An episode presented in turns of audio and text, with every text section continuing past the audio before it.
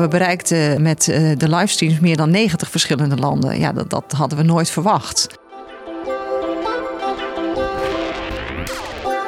Toegankelijkheid gaat eigenlijk over het welkom heten van iedereen. Het digitale domein is eigenlijk een tool om toegankelijkheid mogelijk te maken.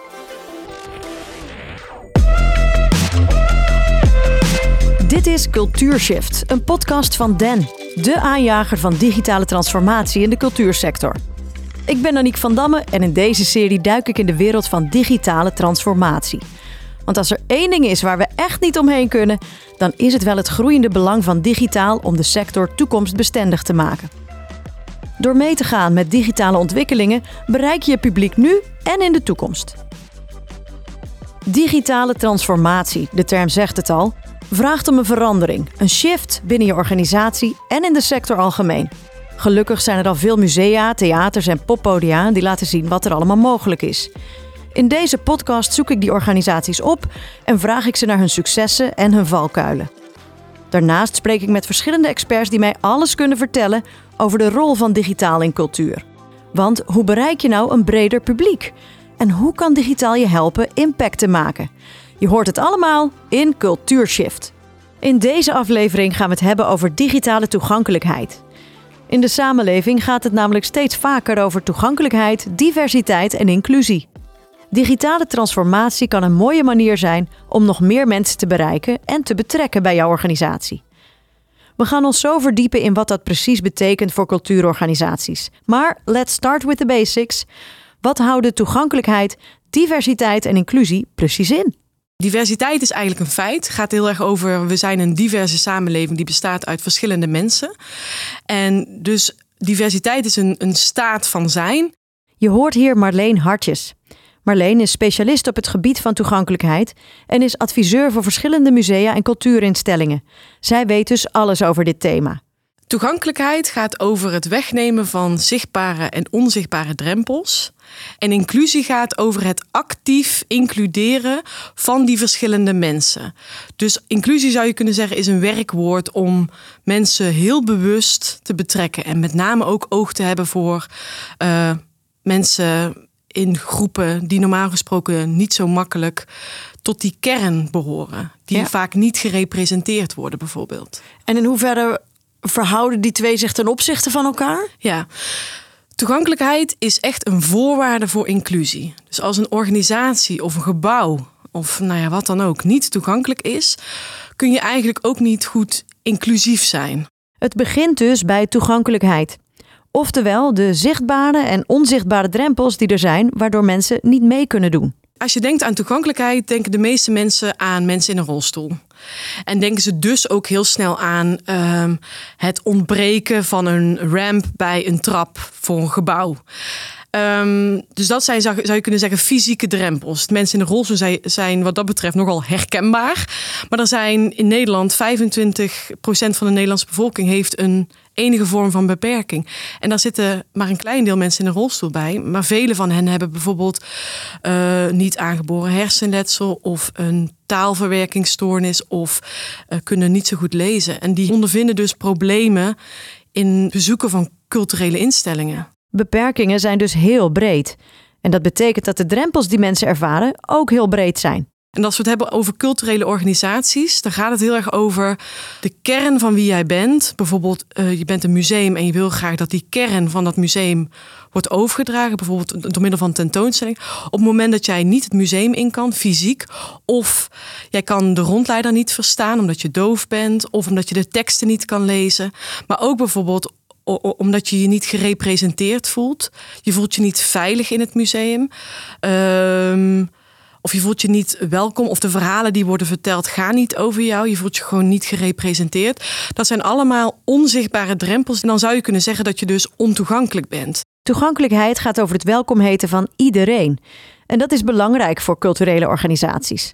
Zowel voor het vinden van nieuw publiek als het behouden van je oude publiek. De museumbezoeker um, is 60 plus, hoog opgeleid, wit, able-bodied, cis, hetero en ja. vrouw. Ja. Maar die 60-plussers, de komende periode, worden die ouder, gaan vergrijzen. er komt een enorme wave aan oudere mensen met beperkingen aan. Oftewel, als we, de als we de mensen die intrinsiek gemotiveerd zijn om al te komen, oftewel ons huidige publiek willen behouden, moeten we nu als culturele instellingen echt stappen gaan zetten om, die, uh, ja, om ons programma toegankelijk te houden voor iedereen. Dus het gaat niet alleen over nieuw publiek, maar ook over het behouden van bestaand publiek. Reden genoeg dus om hierover na te denken. En één ding wat culturele organisaties heel erg kan helpen met toegankelijkheid is digitaal. Het digitale domein is eigenlijk een tool om toegankelijkheid mogelijk te maken. Maar is ook een tool, een ingang eigenlijk om tot informatie te komen of tot een beleving te komen van jouw culturele instelling. En maakt eigenlijk onderdeel uit van je customer journey. Op welke manier kunnen we deze inhoud nou op zo'n op zo'n interessant mogelijke of rijk mogelijke manier het, uh, ja, beschikbaar maken voor ons publiek? Dan bieden digitale tools enorme mogelijkheden. Gelukkig worden daar al veel mooie stappen in gezet. Je kunt bijvoorbeeld AR en VR-brillen gaan gebruiken in je museum of je voorstellingen live streamen, zodat iedereen het overal kan bijwonen. Dat laatste is precies wat het Nederlands Danstheater is gaan doen. We zijn tijdens de uh, pandemie begonnen met het uh, streamen van live streamen van voorstellingen, omdat we toen dus niet mochten uh, optreden voor publiek en ook met betaalde tickets daarvoor. En dat doen we tot op de dag van vandaag. Je hoort hier Willemijn Maas directeur van het Nederlands Danstheater, oftewel NDT. Het is een van de bekendste dansgezelschappen wereldwijd. Zoals Willemijn aangeeft is het NDT in 2020 begonnen met het streamen van voorstellingen. Op dat moment was het een noodzaak. Het grote doel daarvan was om uh, uh, het publiek te blijven ontmoeten. En ook om gewoon te blijven optreden. Dat was natuurlijk voor de dansers heel belangrijk. Dat ze gewoon wel konden optreden. Um, en ja, voor het publiek natuurlijk belangrijk dat we zichtbaar bleven. Dat we bereik bleven houden. En dat we het contact uh, bleven houden. Maar ze kwamen er al snel achter dat het streamen van voorstellingen sowieso een goed idee is. NDT is een reizend gezelschap in Nederland, maar over de hele wereld. Maar als je zegt over de hele wereld, ja, dan hebben we het misschien over een tiental landen. Maar we bereikten uh, met uh, de livestreams meer dan 90 verschillende landen. We kregen vanuit over de hele wereld heel veel reacties. Want er waren natuurlijk ook heel veel uh, mensen die NDT eigenlijk nooit de gelegenheid hadden gehad om die te bekijken. En nu ineens toegang hadden. Dus over het algemeen, ja, dan reageerden soms zaten hele dansscholen met elkaar te kijken. En dan kreeg je wel heel veel reacties van dat mensen er super blij mee waren. Ja, dat, dat hadden we nooit verwacht. Door het streamen bereikten ze opeens veel meer mensen. NDT werd toegankelijker.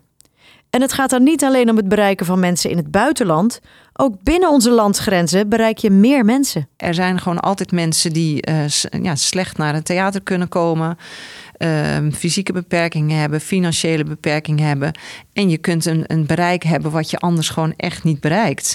En uh, dat vind ik zeer de moeite waard. De inzet van digitale middelen heeft voor Willemijn dus een enorm voordeel. Ze kunnen steeds meer mensen blij maken met hun mooie voorstellingen. Marleen ziet dat dat niet het enige voordeel is aan het streamen en opnemen van je voorstellingen. Maar een van de mooiste dingen vind ik, is dat je daar dus mee niet alleen een drempel wegneemt voor een specifieke doelgroep, is dat je het ook behoudt voor de toekomst. Want we denken vaak over cultuur als een heel erg time-based fenomeen, wat je alleen maar op die avond of alleen maar in die drie maanden in het museum kan, ja. kan zien. En door middel van bijvoorbeeld opnames kun je die beleving eigenlijk ook verlengen. Ja. En kun je ook een archief aanleggen, bijvoorbeeld als museum, van, uh, van tentoonstellingen uit het verleden die je kan, nog, een keer nog een keer kan ervaren. Ik zie het ook heel erg als een verrijking. En dan moet je bijvoorbeeld denken aan augmented reality. Is een hele mooie manier om in de tweede laag um, uh, verdieping aan te bieden. Heb je, kan je er eentje noemen die jij gezien hebt? Um, ik kan er eentje noemen waar ik in ieder geval zeker weet, omdat ik er heel veel aan gewerkt heb. Mee, uh, dat is de uh, Smartify. Smartify is een van de bekendste museum-apps in de wereld. Zij zijn een augmented reality app. Zij maken eigenlijk van een kunstwerk maken zij een QR-code. En in die tweede laag kun je, als je bijvoorbeeld een kunstwerk scant, kun je bijvoorbeeld informatie toevoegen, aanvullende informatie over de kunstenaar, maar bijvoorbeeld ook een audiotour. En dan is zo'n tweede laag, zo'n augmented reality, kan ook heel erg voor een toegankelijkheidsoogpunt ontzettend goed gebruikt wordt. Maar bijvoorbeeld ook voor mensen die doof zijn en die afhankelijk zijn van gebarentaal. Dan kun je die in augmented reality kun je gewoon uh, je audiotour in gebarentaal doen.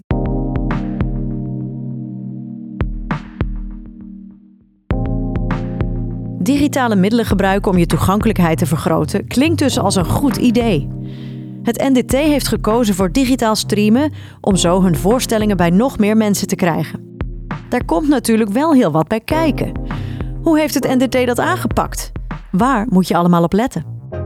Je moet uh, betrouwbaar kunnen streamen, zodat mensen het ook letterlijk kunnen zien. Het moet er goed uitzien, want uh, alleen maar registreren met één camera, en wat we normaal gesproken doen, alleen maar om ervan te studeren, dat is niet genoeg. Dus we wilden dat het ook echt een kunstproduct zou worden. En er is één iemand die is zeer creatief. En die doet normaal gesproken de camera, maar die zei nu: ik ga regisseren. Dus we hebben een camera ploeg gevonden met vier camera's en zij uh, regisseerde dat. Um, en uh, onze webbouwer, die, die normaal gesproken onze website host, heeft, uh, is pijlsnel gaan ontwikkelen hoe je dat moest embedden in de website. dus we hadden een aantal technici van buiten, we hadden cameramensen van buiten en met eigen mensen. En natuurlijk heb je de medewerking nodig van een choreograaf. Die moet het ook zien zitten. en ook voor een deel ook echt zijn performance aanpassen. Het NDT heeft het meteen goed aangepakt en heeft zo mooie voorstellingen kunnen neerzetten. Choreografen, dansers en medewerkers wilden graag meewerken. Aan de muur in het kantoor waar wij opnemen hangt een mooie afbeelding van een voorstelling waar Willemijn erg trots op is. Dus bijvoorbeeld de voorstelling die je daar ziet, daar hadden we een, een camera, dat was uh, Hove Schechter. Uh, en die wilde meteen met een camera uh, on stage ook gaan. En dat werd bijna een choreografie op zich, want daar hadden we een oud danser voor gevraagd om dat te doen, zodat hij helemaal ook de choreografie kon meebewegen ja, dat, dat, ik vond dat bijna de moeite waard om ook dat nog te filmen. Dat hebben we dan niet gedaan, maar dat was uh, heel goed. Gaaf zeg. Dan, dan word je zelf als kijker helemaal onderdeel, kan ik me voorstellen, op een plek waar je normaal nooit zit. Ja, nee, en dat hebben we natuurlijk ook heel erg van geleerd. Er zijn dus ook mensen die het heel fijn vinden nu nog om live de voorstelling in het theater te zien, maar daarnaast of daarna ook uh, online, omdat je natuurlijk veel dichterbij komt en uh, nou ja, close-ups kan maken of, of hoeken kan maken die je vanuit de zaal niet ziet. Want dan heb je natuurlijk wel, als het ware, één camera view. Een online registratie kan dus wel degelijk wat toevoegen. Er liggen dan ook ontzettend veel mogelijkheden. Maar daardoor komen er ook flink wat uitdagingen kijken bij het inzetten van digitaal. Je moet bijvoorbeeld gaan nadenken over de rechten van het gebruik van het materiaal en de contracten die je hebt met artiesten. Hoe werkt dit digitaal denken nou precies door in je organisatie? Als je het hebt over digitalisering, dan hebben we het natuurlijk over meer dan alleen maar je kunstvorm digitaliseren. Er wordt in allerlei processen, of dat nou HR, financiën, ehm, je hele database, uh, er wordt zoveel mogelijk gedigitaliseerd en geautomatiseerd. Wat mij tegen is gevallen, is toch de hoeveel, letterlijk de hoeveelheid extra werk die het met zich meebrengt. En dat, dat is echt woekeren met tijd. Uh, en dat, dat, hebben we natuurlijk ook wel, en dat, dat hoor je natuurlijk in de algemeenheid in de sector. De druk op de sector is gewoon groot. Dus de werkdruk is hoog. Het, risico dat je mensen overvraagt, juist omdat mensen heel enthousiast zijn, ligt voortdurend op de loer. Hoe ga jij daarmee om? Ik probeer daar natuurlijk zo goed mogelijk uh, aandacht voor te hebben. Wij zijn heel bezig om goed in kaart te brengen als mensen overuren maken, dat dat gecompenseerd wordt. Hè, en liefst zo snel mogelijk na afloop. Um, we proberen daar ook wel echt aandacht aan te besteden op de verschillende afdelingen. En proberen toch steeds iedere keer te kijken waar leggen we de prioriteit. Ook heb je specifieke expertise nodig. Voor het binnenhalen van die expertise heeft Willemijn een belangrijke tip. Ga vooral geen specialisten uh, in je eigen bedrijf halen. Want dat, voor je het weet, is die kennis verouderd. Want dat gaat heel snel. En je zal, uh, als, want ja, wij zijn dan groot tussen aanhalingstekens. Maar uiteindelijk ga, heb je het dan over een paar mensen die je kan inhuren. Terwijl je, eh, ja, die zit dan als één pitter en die kan die kennis nauwelijks bijhouden. Dus die specialistische kennis, of dat nou cameramensen zijn of, of uh, digitale techneuten, koop dat in. Met digitaal kun je je toegankelijkheid vergroten en daarmee ook het bereik.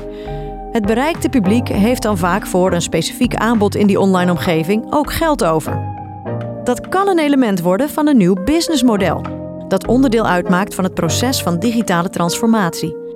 Het Nederlands Danstheater besloot dan ook een kleine bijdrage te gaan vragen voor de voorstellingen. We moesten allemaal pionieren, dus we hebben gewoon een beetje eigenlijk redelijk willekeurig een prijs bepaald van 15 euro. Ik weet in het begin waren er sommigen die vroegen 5 of zelfs 2 euro. En wij dachten, nou, 15 euro is voor wat we brengen. Normaal gesproken kost een kaartje tussen de 35 en de 45, is 15 heel redelijk. En kunnen, in veel gevallen kijken mensen natuurlijk niet alleen maar met een aantal. En dat is ook nooit een belemmering geweest. En nu is het, bij, is het bijna een soort eh, de standaardprijs geworden. Terwijl eerst durfden mensen dat niet zo aan. Maar ja, dat hebben we vanaf dag één gedaan. En dat is eigenlijk nooit een belemmering geweest. Je hoeft als organisatie jouw digitale uitingen dus niet altijd gratis aan te bieden. Mensen zijn bereid om ook voor een online vorm van cultuur te betalen. Het NDT heeft veel positieve ervaringen en heeft daarom besloten om het online streamen nog veel verder uit te breiden in de toekomst. Nu zijn we bezig om ons digitaal platform uh, verder uh, te professionaliseren. En ik denk dat we nu met uh, een andere propositie moeten komen om het uiteindelijk, en dat is tegelijkertijd ook ons experiment, om te kijken of we het kostendekkend kunnen krijgen. Want daar heb je natuurlijk een bepaald volume voor nodig. Nu moeten we zeggen van hé, hey, het is interessant om uh, de live voorstelling te zien, maar ook om online te kijken, want dat geeft een andere beleving. Of als je ver van een theater woont, uh, minder mobiel bent, of weinig geld hebt en je een kaartje van 45 euro niet kan permitteren. Dus we hebben het afgelopen jaar veel tijd, eh, geld en energie gestopt in het ontwikkelen van het platform. Dus met name het, digitale of het technische stuk. Um, en nu uh, hopen we met de vervolgsubsidie vooral in publieksontwikkeling, uh, community building, bereik te investeren. Het NDT probeert het digitaal streamen dus nog verder te professionaliseren. En dat doen ze niet alleen. Nou, we hadden uh, met uh, ITA, Holland Festival en wij. Wij zijn al, uh, drie organisaties die internationaal actief zijn. En dus wij hebben allemaal ervaring opgedaan met digitaal streamen. En we dachten, er is, het zou eigenlijk heel mooi zijn als we die ervaring bundelen. Enerzijds om de technische kennis te bundelen. Maar ook om wellicht in een volgend stadium te kijken van kunnen we een gezamenlijk uh, publieksbereik, dus letterlijk een digitaal theater ontwikkelen. Waarbij we uh, dan, um, hè, want nu doen we het ieder nog op onze eigen site. Maar als we er echt een apart merk van maken, zou je kunnen zeggen van nou, we hebben een, een, een Nederlands product en dat brengen we internationaal. En dan kun je aanbevelingen over en weer. En dan kunnen we het nog meer promoten, maar dan kun je het waarschijnlijk ook nog meer sustainable maken. Wat is de status van dit platform nu? Kunnen mensen dit al gebruiken? De status is dat het platform functioneert, maar dat we alle drie nog op onze eigen site het uh, ingebed hebben. Um, en dat we in afwachting zijn van een vervolgsubsidie om dat verder te ontwikkelen. Waarbij we dus enerzijds onderzoeken is het, uh, gaan wij een apart merk van internationaal uh, gezelschappen opzetten. En als tweede stroom dat we de techniek beschikbaar stellen voor iedereen die, daarvoor, uh, nou ja, die daar belangstelling voor heeft. Dus dat zijn eigenlijk de twee stromingen die we met dat project in een volgende fase willen brengen. Het platform staat dus al online en ik ben ook wel benieuwd hoe het eruit ziet.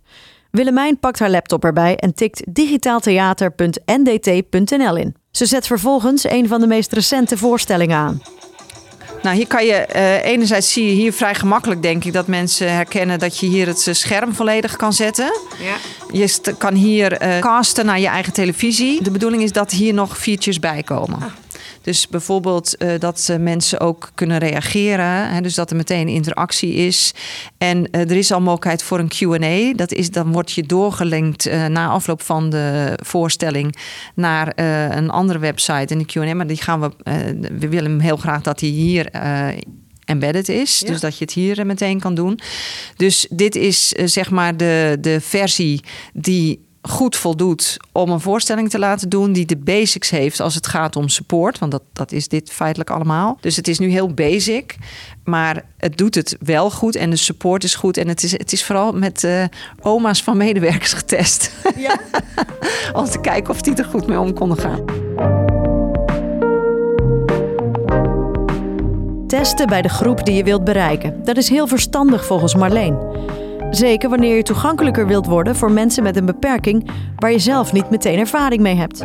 Ik denk wat heel erg belangrijk is, is dat uh, op het moment dat je het over inclusie hebt, dan gaat het dus ook over nothing about us without us.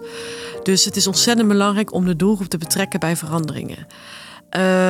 Um, Zeker ook als het gaat over toegankelijkheid. En ik kan me voorstellen dat een heleboel organisaties die niet in hun telefoonboekje hebben staan, maar in een plaatselijk krantje een oproep plaatsen, uh, is een hele goede. Een andere is, is gewoon je eigen, je eigen personeel de vraag stellen. Want het viel mij gewoon op toen ik daar zelf mee begon, hoeveel mensen eigenlijk te maken hebben met toegankelijkheid. Of omdat hun, hun vader of moeder misschien in een rolstoel zit, of hun broer of zus misschien blind of slechtziend is. Dus hoeveel mensen eigenlijk al in hun dagelijks leven indirect daar heel veel mee te maken hebben. Digitale toegankelijkheid gaat niet alleen over het online beschikbaar maken van jouw voorstelling of tentoonstelling. Het gaat ook over de leesbaarheid van je website en andere online uitingen. Dan kun je bijvoorbeeld denken aan nou ja, mensen die slechtziend zijn of mensen die blind zijn. Die maken gebruik van een voorleesoptie op hun toegankelijkheidsoptie op hun telefoon.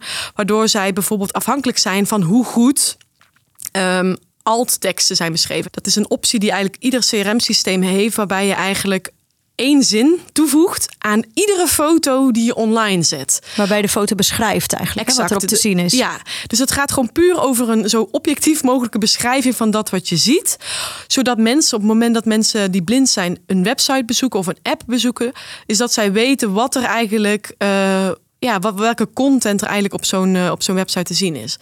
En dat is dan maar één ding. Maar, maar bijvoorbeeld ook het niveau van de teksten of de leesbaarheid van de teksten. Daar zit uh, enerzijds leesbaarheid gewoon visueel. Is het uh, contrastrijk genoeg? Uh, is de lettertype groot genoeg? Of is er een optie om die te vergroten? Er zijn gelukkig allemaal handige tools die je kunnen helpen om jouw website leesbaarder te maken.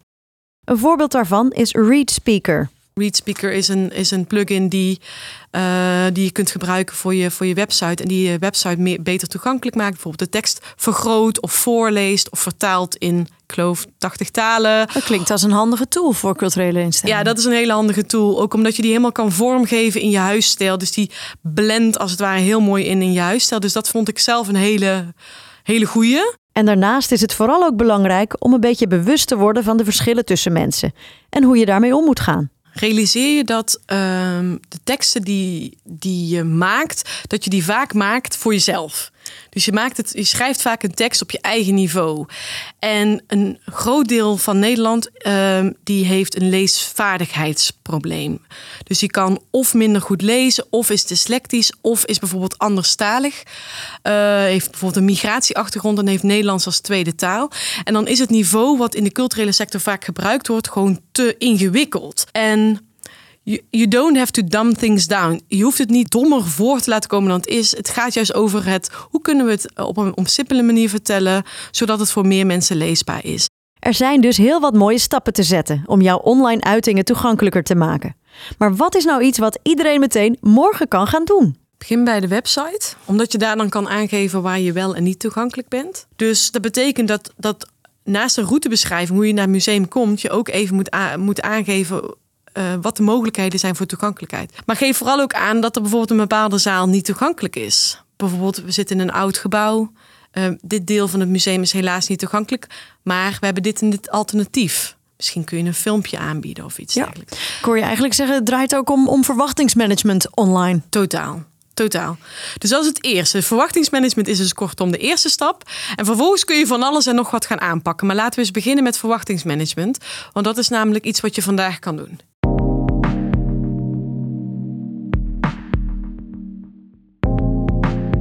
Zo kun je al veel voor mensen betekenen zonder dat je er meteen heel veel geld en tijd in hoeft te steken.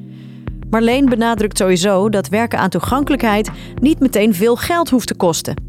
Je kunt met kleine aanpassingen beginnen en vervolgens grotere veranderingen binnen een organisatie aangrijpen om ook iets met toegankelijkheid te gaan doen. Zo kun je jouw online uitingen voor iedereen leesbaar, begrijpelijk en toegankelijk maken. En dat is gewoon ontzettend belangrijk. Zeker als we het hebben over cultuur. Cultuur is echt voor iedereen. Cultuur maakt ons mens, maakt, bepaalt eigenlijk wie we zijn. En op het moment dat we geen mogelijkheden hebben om die cultuur met elkaar te delen, of omdat we onszelf niet gerepresenteerd voelen of geen toegang vinden tot, tot, de, cultuur die we zo belangrijk vinden, dan hebben we als samenleving een groot probleem. Want cultuur is niet iets voor, voor een klein groepje mensen. Cultuurliefhebbers is eigenlijk een representatie van wie we zijn als mens. Dus ik denk dat toegankelijkheid echt een voorwaarde zou moeten zijn van ons handelen op alle afdelingen. Omdat het niet alleen een verantwoordelijkheid is voor mensen van communicatie, niet alleen voor educatie, niet alleen voor programma of pandbeheer. Het is gewoon een integraal onderdeel van voor wie willen we graag zijn en welke verantwoordelijkheid gaan we nemen uh, om dat ook mogelijk te maken. En vooral ook, welke rol hebben wij zelf in het maken van toegankelijke en exclusieve keuzes die we maken in ons eigen werk? Ook bij het NDT blijven ze zich inzetten om cultuur beschikbaar te maken voor iedereen. Zo hopen ze hun platform ook beschikbaar te kunnen stellen voor andere cultuurorganisaties. Zo hoeft niet iedereen zelf deze digitale infrastructuur te bouwen, maar kunnen we van elkaars opgedane kennis en ervaring profiteren. Willemijn is in ieder geval ontzettend blij dat zij vroeg zijn ingestapt. Ik denk dat het ons gebracht heeft dat we op een andere manier kijken naar onze voorstellingen. En dat we hebben gezien dat er uh, manieren zijn om deze kunstvorm naar het publiek te brengen, die toch heel aantrekkelijk is. Op een andere manier dan in het theater zelf. Dus dat het echt een aanvullende asset is eigenlijk. Dus daar, dat vind ik uh, fantastisch. En verder heeft het vooral gebracht dat we mensen kunnen bereiken die we anders echt niet zouden bereiken. En als wij uh, nou ja, voorstellingen in 90 landen. En ik zie dat, dat er iemand uit Afghanistan bij is. Maar dat vind ik gewoon ontroerend. Dus, daar, ik, dus wat heeft het ons gebracht? Ja, het is een kunstvorm die je met goede cameravoering echt ook mooi kan brengen. En het heeft ons ook gebracht dat we mensen kunnen bereiken die we anders echt nooit zouden bereiken. Wil je nou nog meer te weten komen over digitale toegankelijkheid? Kijk dan op den.nl. Luister ook naar de andere afleveringen in deze podcast. In de volgende aflevering van Cultuurshift gaan we kijken naar de impact die je als culturele organisatie kan maken en de rol die digitaal daarin speelt. Een culturele organisatie die al volop stuurt op impact is Cinekit. Helene Rauw, de directeur van Cinekit, vertelt me er alles over.